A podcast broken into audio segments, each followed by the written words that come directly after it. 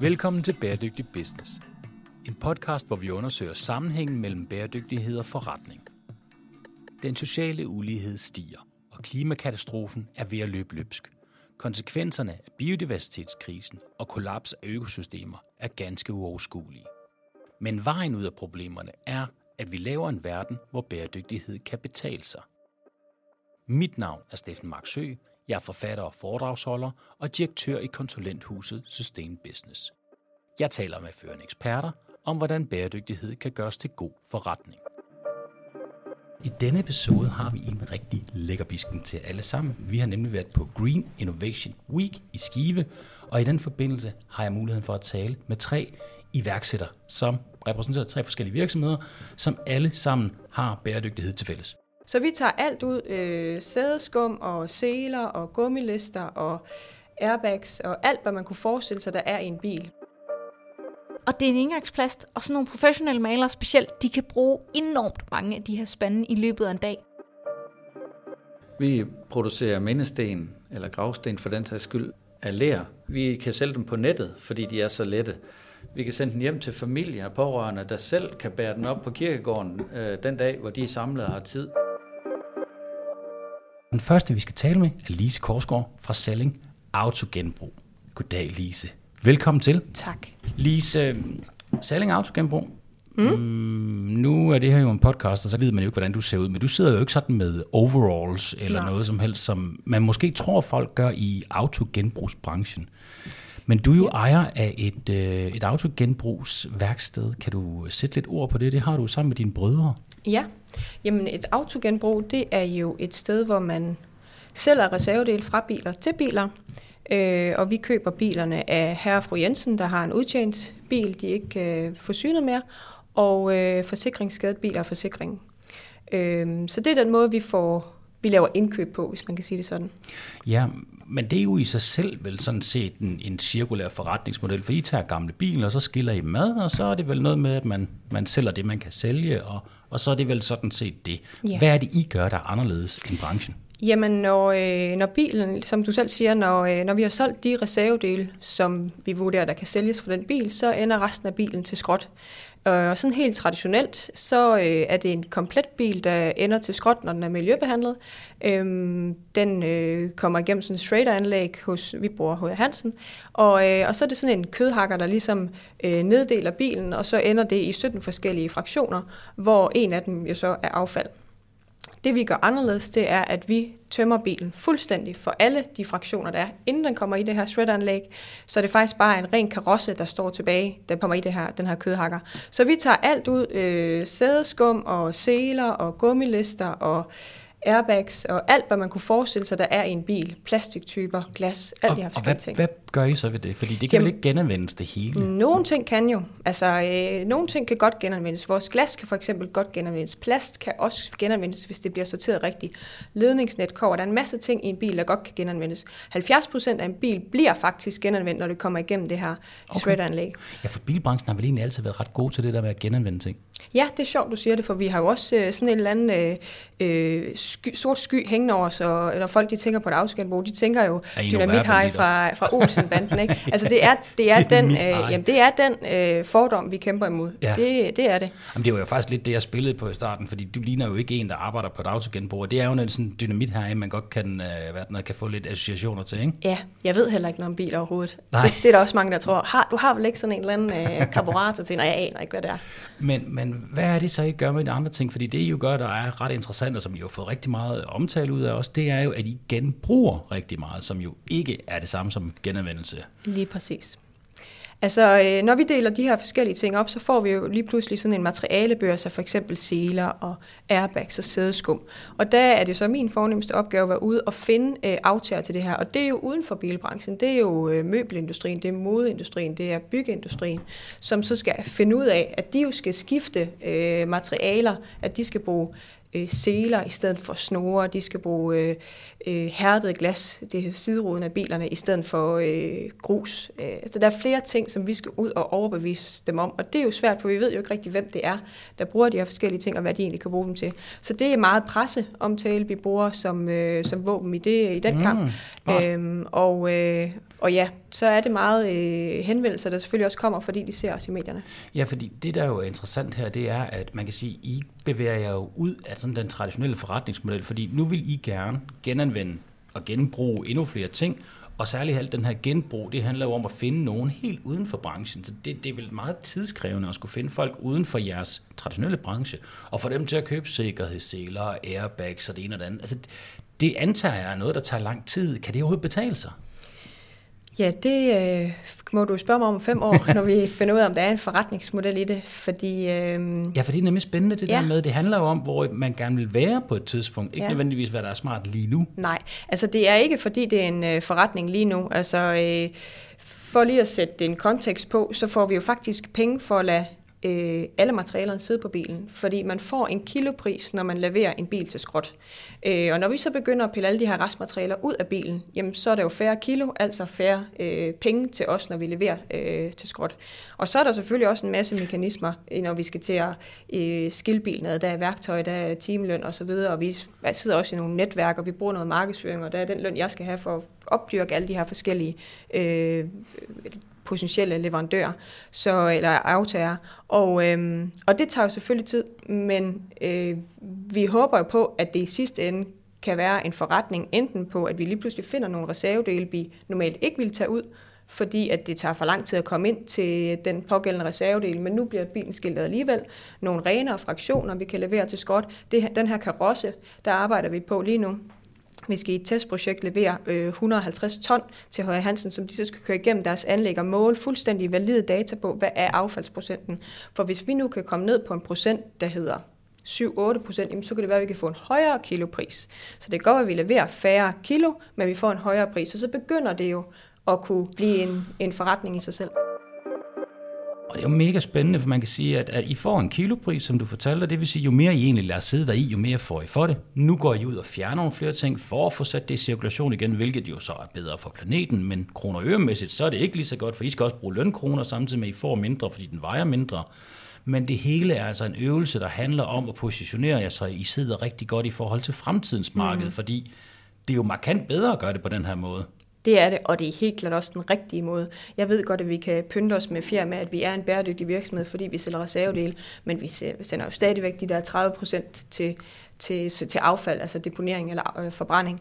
Øh, og man kan sige, vi, øh, vi er de første, der gør det, og vi løber også panden mod muren rigtig mange gange, men vi håber på, at vi også kan bane en vej for, at vores kolleger, altså andre autogenbrugere, kan gøre det samme, så der kan blive sat nogle lovgivninger, vi alle sammen kan være fælles om at være i. Fordi lige nu, der er der simpelthen et regnstykke, der ikke går op. Jeg plejer altså at bruge det eksempel med en forrude, som der er nogle gode kilo i.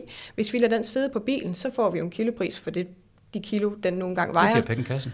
Ja, lige præcis. Hvis vi tager den ud, fordi vi gerne vil genanvende det, vi vil gerne putte den øh, i en kasse med alle de forruder, vi nu piller af, sende den øh, afsted til genanvending, så skal vi betale 250 kroner per ton, for at det bliver genanvendt, for at det bliver til en bilrude igen. Så det hænger jo slet ikke sammen. Og det er jo et kongeeksempel på, hvordan det er, at lovgivningen den er lavet på et tidspunkt, hvor, der, hvor man simpelthen bare ikke tog højde for de her ting. Noget andet, som øh, jeg har lagt mærke til, som også må være en, en kommersiel fordel ved, at man arbejder med, øh, med, med bæredygtighed, som I gør, det er, at du har også selv været lidt inde på det, det er, at det genererer faktisk meget presseomtale. Altså, mm. det gør det i hvert fald for nogen, det er i hvert fald ja. gjort for jer, fordi jeg synes det godt, at jeg har set jer i mange medier. Altså, hvordan, øh, altså, er det ligefrem en strategi, man kan overveje at bruge? Er, er medierne interesseret i, vil de gerne høre om bæredygtighed? I høj grad. Altså, vi kan i hvert fald sige, det er jo det, der er lønnen i sig selv, så længe vi ikke kan øh, blive rige af den her del af forretningen. Øh, så der er det lønnen i sig selv, men det er også der, hvor vi får øh, vores øh, samarbejdspartnere, de hører om os. Vi har da også fået medarbejdere, der har søgt ind til os, og vi har da også fået nogen, der har vælger at aflevere til skråt hos os, altså deres bil, deres udtjente bil til skråt hos os, frem for et andet sted, hvor de måske kunne få mere for bilen, fordi de ved, at vi gør det her stykke arbejde. Så der er ingen tvivl om, at presseomtalen er jo også en en, øh, en løn i sig selv, en bundlinje. Vi skal huske at tælle med, at det ikke kun er kroner og øre. Øh, og jeg oplever faktisk, at de rigtig gerne vil skrive om os Vi er rigtig gode til selv at øh, skrive nogle pressemeddelelser og placere os i medierne, men vi oplever også, at brancheforeningen især tager kontakt til os og, og, og vil bringe en god historie. Det er jo fantastisk, og I har jo lige vundet en CSR-pris, og tillykke med det. Ja. Tusind tak, Lise Korsgaard, og øh, det var en fornøjelse at høre fra dig.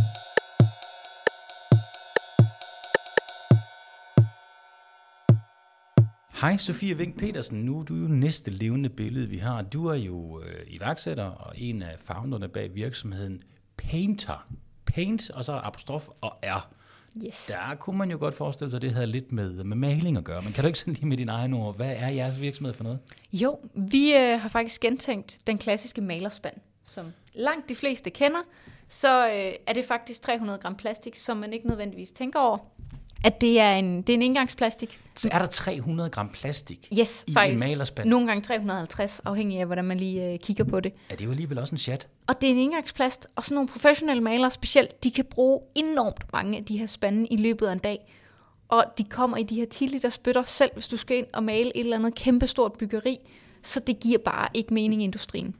Så det vi er gået ind og gøre, er at kigge på den her emballage, og så har vi simpelthen været ude og lave en masse brugerundersøgelser og observationer og så videre med den professionelle maler og fundet frem til en alternativ emballage. Så øhm, det er i dybest set en papkasse med to poser, og de her to poser har så 5 liter maling i sig hver. Og det vil sige, at du får de standard 10 liter, som du er vant til. Det vi får i det her er de to poser, som faktisk er en lille smule tykkere, end hvad den professionelle maler vil male fra normalt. Man kender det måske, hvis man har malet derhjemme, så har man sådan en lille rullebakke. Ja. Og den vil man typisk putte en pose udenom, og det er faktisk godt for miljøet, fordi maling er som sådan en mikroplastik. Det er plastik, vi maler op på vores vægge, og går man ud og skyller den her bakke bagefter, så får vi mikroplastik ud i vores vand. Okay, det er jo faktisk ikke klar over. Altså, maling er jo i bund og grund bare flydende plastik. Det er det. Det er mikroplastik blandet op med noget vand og forskellige klæber og så vidt. Og når du så har det på din væg, jamen, så fordamper vandet, og så er det egentlig et, et lag plast, man har tilbage. Så den her malersplastikdims, I laver, den kan man så bruge og lægge ud over sin øh, malerrulleting, og så på den måde spare man emballagen? Ja, så nu vi startet med at udvikle til den professionelle maler. Den professionelle maler gider ikke sådan en lille bitte hobbybakke, som vi kender derhjemmefra. De, øh, de har en 12 liter spand, så det vil kalde en rullespand, og, øh, og den har, passer vores pose simpelthen direkte ned i. Okay. Så øh, det er en tykkere pose, end den de normalt ruller fra, det vil sige, de får faktisk en bedre oplevelse af den. Og så har den sådan en, en sjov form, som vi faktisk har kunne gå ind og patentere, hvor man kan sige, det gør, at der ikke er nogen hjørner, som maling fanges i. Så de oplever faktisk, at de kan udnytte mere af den her maling. Okay. Og det er jo igen meget mere plastik, vi kan spare, fordi vi kan spare noget maling.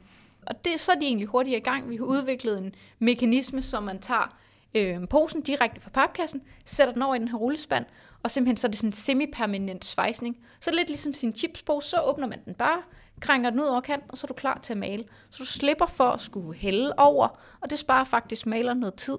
Du slipper for at skulle tape den her fast. Det kan de godt lide at gøre, fordi så sidder posen der, som den skal. Men det her det er faktisk noget tykkere plastik, så den sidder der bare. Det er jo spændende, og jeg kan rigtig godt lide, at når du fortæller om det, så er der, altså der er åbenlyst flere fordele, end bare, at der bliver sparet en masse plastik. Og det ville jo være perfekt, hvis man levede i en verden, hvor det i sig selv var tilstrækkeligt, eller det ved jeg som ikke, om det ville være, men det ville i hvert fald være rigtig godt for planeten, hvis vi altid tænkte på planeten, når vi, lavede en beslut, når vi tog en beslutning, eller vi købte et eller andet. Men det skal jo også nogle gange være nemmere, og det skal også nogle gange være billigere. Og det lyder som om, det her det er nemmere for maleren. Altså, der er nogle, nogle, nogle praktiske ting, der gør, at det er nemmere at hælde op, og man kan få alt malingen med. Hvad er sådan uh, mål på kroner og øre? Hvordan forholder det sig til det, det klassiske produkt, den gode gamle malerspand, som godt nok har en helt lille emballage?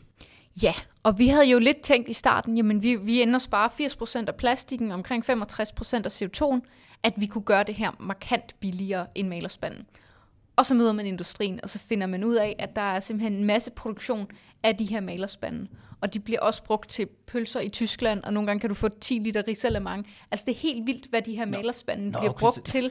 Okay, så malerspanden bliver brugt til andet end maling. Ja, sådan, sådan konceptet omkring de her 10 liter spande. Alligevel frisk dem, der køber ris eller mange Ja, det vil jeg i, også sige. i, i 10 liter spanden. Yes.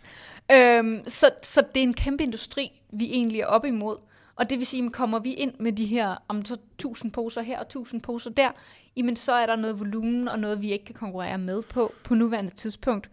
Og så er det så en fordel, at vi bruger så meget mindre emballage, så det kortsvaret prismæssigt ligger vi cirka det samme ja. som en, en malerspand. Men den evindelige konflikt, der ligger for iværksætteren, for den nye løsning, det er, at man har det ikke op i skala endnu. Det vil sige, at man har ikke Præcis. prisen nede. Og det vil sige, det på mange måder kunne man godt konkurrere med prisen, hvis man bare havde volumen på, men der er man ikke endnu. Så det er jo hønen og ikke, den kan godt være lidt tricky. Hvad gør man ved det? Med, øh, hvad er jeres strategi for at komme øh, rundt om det? Jamen vi kan sige, så øh, har vi de her andre fordele, og det tjener egentlig, kan man sige, to formål. Det ene er, at vi skal have noget aftag ude hos nogle malere, som er notorisk kendt for at være konservative. Og, øh, og det vil sige, at man laver, nu har vi faktisk lavet et produkt, som de godt kan lide, og så er der et meget bedre aftag ude hos dem. Og samtidig så tjener det det formål, at vi jo så kan, kan differentiere os på prismæssigt oprigtigt, have noget added value i forhold til det, vi leverer. Ja, så, og så vi kan har vi- et, et bæredygtigt value proposition, så Ja. at sige, fordi der er et materialebesparelseselement i det, og så Yes. det kan I sælge på. Yes, men vi kan også sælge nu på en bedre maleroplevelse, og når det er så kundefokuseret en branche, jamen så tæller det også bare rigtig meget.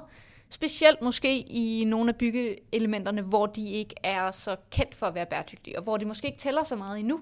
Så, øh, så kan man ligesom komme den her grønne omstilling i forkøb ved at sige, okay, vi har haft nogle andre, og så er det også bæredygtigt. Ja.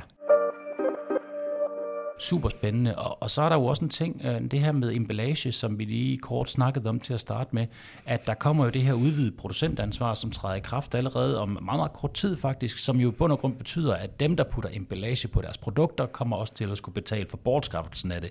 Og der kan man jo sige, at jeres forretningsmodel er jo rigtig fornuftigt set i lyset af, at der nu kommer til at være ekstra afgifter på de 300-350 gram plastik, som malerspand er lavet af.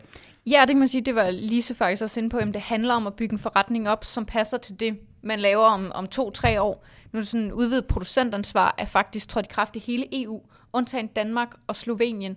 Og det er, man tror, at Danmark er et grønt forgangsland, men vi er faktisk nogle af de, eller en af de to eneste lande i EU, der ikke har haft det her udvidet producentansvar i forvejen. Ja, er det ikke først 2025, det Jo, træder i kraft i det Danmark? træder, i- det træder i kraft 2023 i alle andre EU-lande, undtagen os, og så træder det 25 i, Men i Danmark. ved vi, hvorfor at Danmark har ikke er med Det jo- ligesom alle andre? Om det er lidt også øh, på grund af vores gode velfærdsstat. Altså kommunerne har ligesom håndteret al vores affald for os, og nu skal vi til at have lavet en, det kaldes en kollektiv ordning. Dansk Industri, Dansk Erhverv er gået ud simpelthen og skal finde ud af, hvordan håndterer vi det her affald for virksomhederne, og laver simpelthen en losseplads, hvor man siger, at den her del, det er privatforbrugere, og den anden del, det er virksomheder. Det skal virksomhederne egentlig tage sig af og håndtere. Øhm, så man er ved at opbygge et helt system for det. Hvad skal det koste og så videre. Det ved vi ikke i Danmark endnu. Jeg synes, det er en utrolig interessant pointe, det her med, at man planlægger, altså de, de, de bæredygtige modeller, forretningsmodeller, lad os kalde dem det, selvom at vi ved jo godt, at vi ikke kan kalde ting for bæredygtigt som sådan, men de bæredygtige forretningsmodeller er nok ikke noget, der hurtigt giver en rigtig god forretning, men det er netop med henblik på at positionere sig til et marked, vi er ret sikker på kommer. Og hvis man er i tvivl, så kan man jo i hvert fald altid kigge i lovgivningen, for der sker jo rigtig mange ting. Ja. Og man ser det jo også med, med cigaretskodder lige nu, og det bliver jo øh, cigaretproducenterne jo tvunget til at skulle betale, for det er jo også affald, som, som så ryger ned af deres alley, så at sige. Du har jo øh, læst på DTU og er sådan ret frisk ud af studiet, og øh, var det i forbindelse med studietiden, at du fandt på at lave den her øh, virksomhed? Ja, vi, øh, vi har faktisk arbejdet på det i tre år, og det var på andet semester ude på DTU. Vi havde et kursus i grøn bæredygtighed og grøn entreprenørskab, og, øh, og det var egentlig super fedt at have et kursus, hvor man simpelthen jamen, går ud og løser en af verdensmålene, eller i hvert fald hjælpe hjælp det på vej. Og så kom vi til at kigge lidt på, på malingsindustrien. Og, Og hvordan? Altså, det er da lidt sjovt. der var faktisk en i, i gruppens far, som var maler. Og det var sådan lidt tilfældigt, men, men det er også sådan en klassisk innovationsteori. Du skal, du skal kigge på noget af det, du har nært. Og så alligevel, og så er vi jo en, en gruppe eller team nu her, som ikke ved ret meget om malingsindustrien, eller i hvert fald slet ikke, da vi startede. Og så lærer man sig stille og roligt op, og det tror jeg har været en kæmpe fordel for os, at vi lidt kommer med det her kritiske blik udefra, har nogle andre kompetencer og går ind og ser, hov, malingsindustrien, der er virkelig behov for, for noget nytænkning og noget grøn innovation. Og så kan vi lige pludselig lave nogle idéer, som branchen måske ikke selv havde opdaget. Det er, det er meget, meget interessant, og man kan sige, at øh, dejligt, at der faktisk kommer konkrete virksomheder ud af nogle af de idéer, som man laver i, øh, i uddannelsessystemet. Hvad med sådan noget som finansiering? Det er jo mange penge, når man er på SU, og det er jo ikke altid, man lige har penge til at, at lave altså bare prototyper og komme i gang. Ja, og jeg synes specielt DTU, nu er det det eneste, jeg lige har erfaring fra, har været enormt god til det her. Øhm, og der begynder at komme rigtig meget fokus på det. Det har været virkelig essentielt for os. Jamen, så kan vi bruge vores SU til ligesom at dække de her øh, personlige udgifter, du vil have, når du er iværksætter. Så kan vi bruge fritid, vi faktisk også kunne bruge nogle kurser, været i praktik i egen virksomhed, og haft de her muligheder, som gjorde, jamen, da vi kom ud på studiet her i foråret, så, øh, så var der faktisk et grundlag, hvor selvfølgelig er det stadig risikofyldt, men vi kan faktisk sige, okay, vi tror, der er en idé i det her, vi har faktisk testet det over de sidste tre år, vi har næsten et færdigudviklet produkt, vi stod allerede med et patent på hånden dengang, jamen så er der noget at hoppe ud til, i stedet for at man skal fra en dag til sin anden sige sit job op og hoppe ud i at udvikle noget, som man slet ikke ved, om der er et efterspørgsel efter endnu. Det er klart, og virkelig noget, der gør mig glad. Vi er jo ikke kendt for at være en, en, en super stærk iværksætternation i Danmark, så dejligt, at uddannelsesvæsenet øh, kan, kan hjælpe lidt på den øh, del. Noget andet er jo også, at de har fået en endnu booster. Kan du ikke fortælle lidt omkring det? Jo, det er faktisk en, øh, en InnoFounder. Der ja. er en masse øh, forskellige begreber derindefra, og det siger jo lidt om det system, vi har, hvor blandt andet Innovationsfonden og rigtig mange andre er super gode til at støtte, og specielt grønne iværksættere. Ja, og fortæl os lige, hvad en InnoFounder er. Ja, så det er egentlig, at vi kan få, få løn til vores tre co-founders i øh, et år. Sådan en, en, en, en middelmåde løn, kan man sige. Det er jo det er cirka halveret i forhold til, hvad vi havde, hvis vi var gået ud som, som færdiguddannede ingeniører. Men det gør, at vi kan drive os i gang til at være iværksætter, uden at have lige så stor risiko i det. Og jeg tror faktisk, der er ret mange virksomheder og iværksættere, som dør på det der punkt, hvor man siger, okay, de har måske en idé, de har lidt nogle koncepter, men det er nok ikke helt nok til, at man kan gå ud og rejse så meget ekstern kapital, og det er der ikke så mange, der har erfaring i, lige når de kommer ud af studiet, så er det et virkelig essentielt program, det her. Nu er der lidt ro på i et år, vi kan gå ud, vi kan begynde at, at sælge det her, og, øh, og så har vi formentlig virkelig et, et levegrundlag, når vi kommer om et år, og, øh, og så kan vi se, hvad, hvad vi skal videre der. Meget, meget interessant, og I skal virkelig have et kæmpestort held og lykke. Min øh, svigermor er jo bygningsmaler. Så Fedt. jeg skal nok lige sprede rygtet ja, ja. om, om Painter, når jeg kommer, kommer hjem. Uh, hun er der hele tiden, så ja. uh, hun er hele tiden hos os. Så Fedt. jeg skal love dig for, at jeg kommer til at sige det hurtigt. Send hende min vej, ja. Det gør jeg. Tak fordi du vil være med. Tak.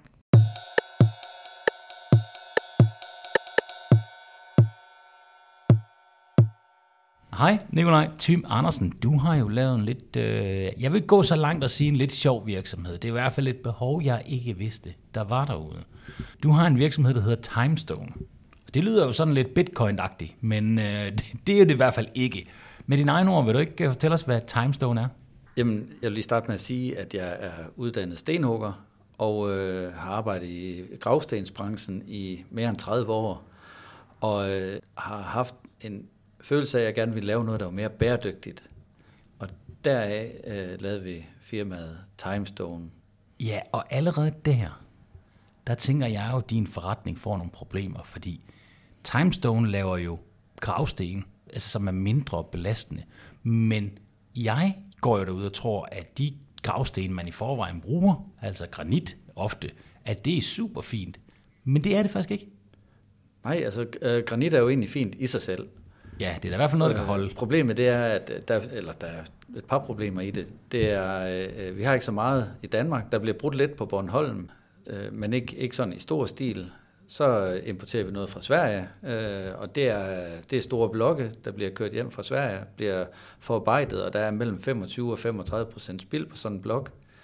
Når den er forarbejdet, øh, så, så er den egentlig for god vi laver et utroligt flot produkt, og, øh, som jeg også elsker som stenhugger, men øh, det holder jo i evigt stort set, og det holder for godt. Og det er, det er jo faktisk en sjov detalje, ikke? Altså, at, at en gravsten, selvfølgelig skal den jo holde i noget tid. Jeg ved ikke, hvor lang tid sådan en skal holde, men, men den skal jo ikke holde for evigt. Det er jo ikke nødvendigt. Det er ikke nødvendigt. Uh, slet ikke, at uh, man har lagt så meget energi i, i et produkt, uh, der egentlig kun behøver at holde 10, 20, 30 eller måske 40 år øh, går du op på kirkegården, så finder du nogen, altså der er jo også noget historie og sådan noget, men trods alt er der ikke så mange, der er mere end 100 år gamle alligevel, Nej. så længere tilbage går historien heller ikke.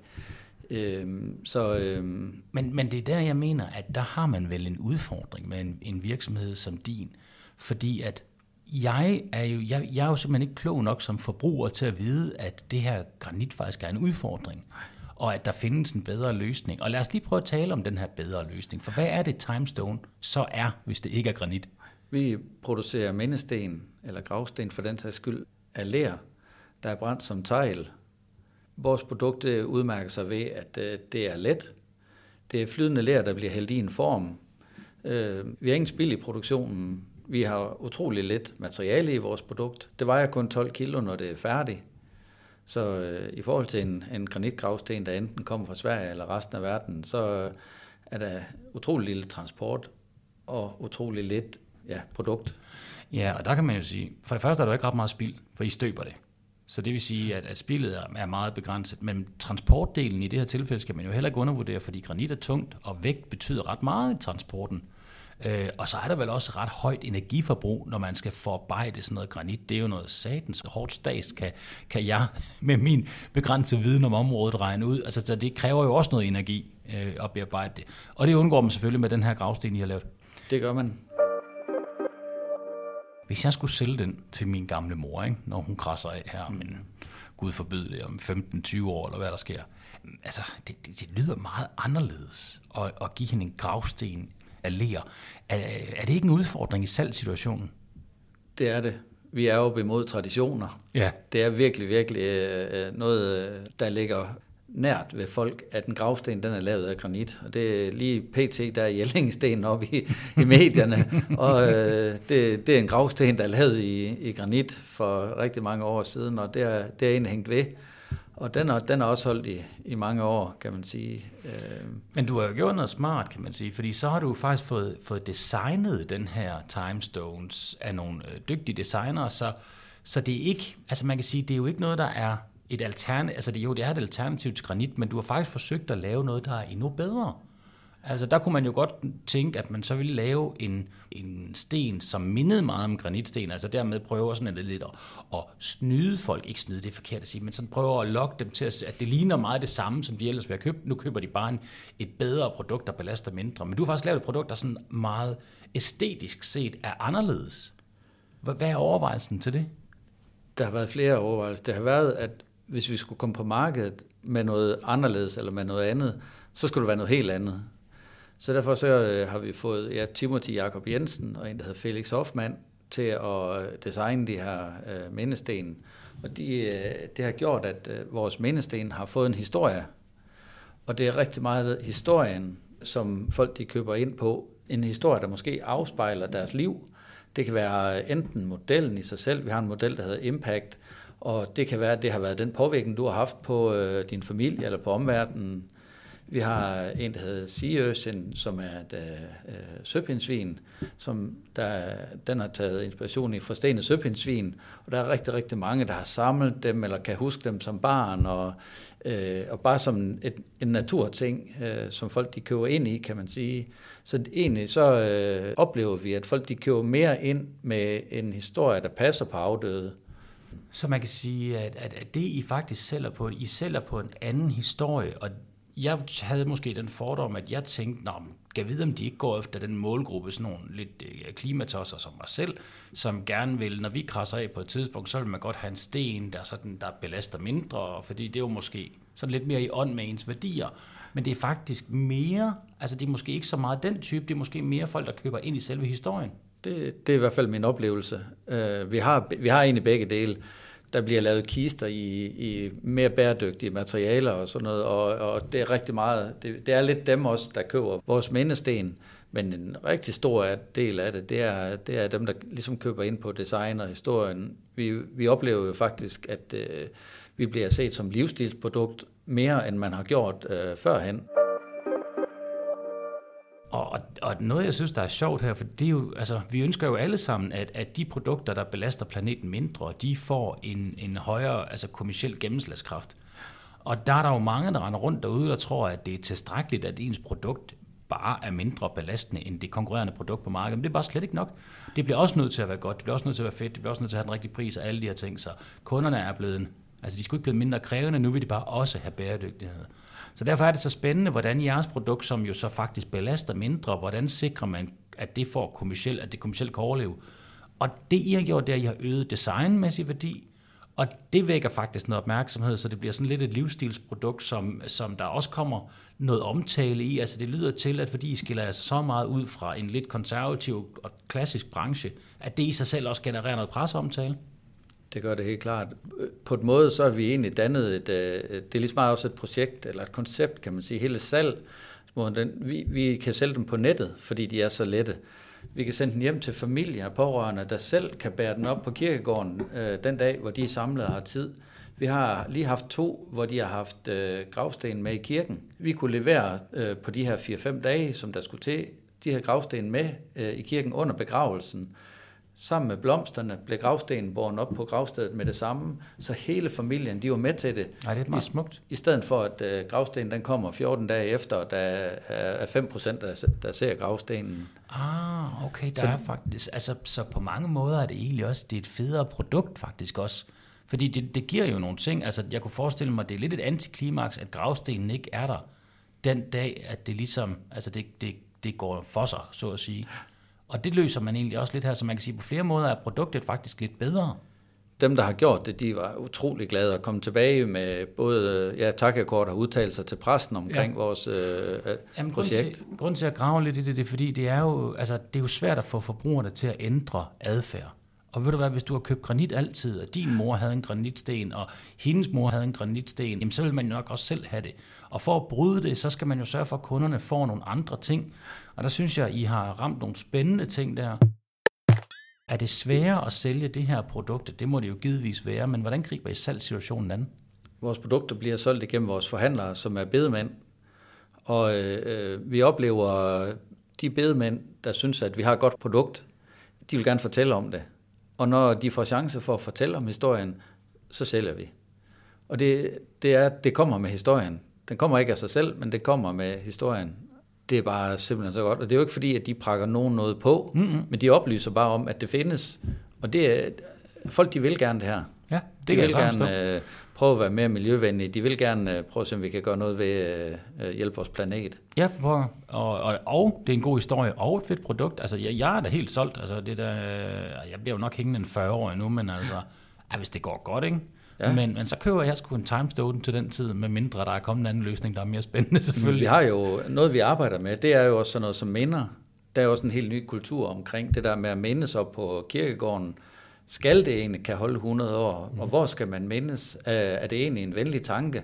For rigtig, rigtig mange, så er gravsten også en form for sovebearbejdning, ja. hvor du kommer på kirkegården rigtig hyppigt øh, i, i, en, i en periode, og så dør det for, øh, der må man sige, faktisk for langt, langt de fleste hen. Og øh, skal det så, hvor skal man så mindes henne? Mm.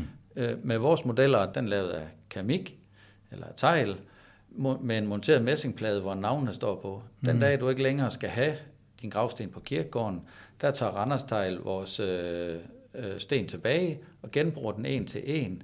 Selve messingpladen, den har vi fået designet en fod til, som du tager hjem og sætter i reolen Okay. til et evigt minde. Hvad gør man med granitmindesten og granitgravsten lige nu? Jamen, en lille bitte smule bliver genbrugt til nye øh, gravsten øh, hos stenhuggeren. Han øh, sliver en lag af, og så øh, genbruger mm. den. Men det er, det er næsten forsvindende lidt. Øh, ellers så er det egentlig et rigtig, rigtig flot produkt, der kan holde evigt. Der bliver, bliver knust til vejfyld. Og det bliver simpelthen knust til vejfyldt. Det er jo, det er jo skandaløst. Det Det er, er jo alt for godt materiale til at bruge på det. Der er lagt utrolig mange timer i de, mange af de Ja. gamle gravsten og sådan noget, og så, øh, så er de egentlig ikke mere værd end at, Ja, og det er måske også udfordringer. Ikke? Altså, hvis du trods alt kunne bære den, så kunne man vel godt forestille sig, at nogen ville tage den med hjem, hvis ens oldefar var rigtig vigtig for dem, eller hvad det nu er.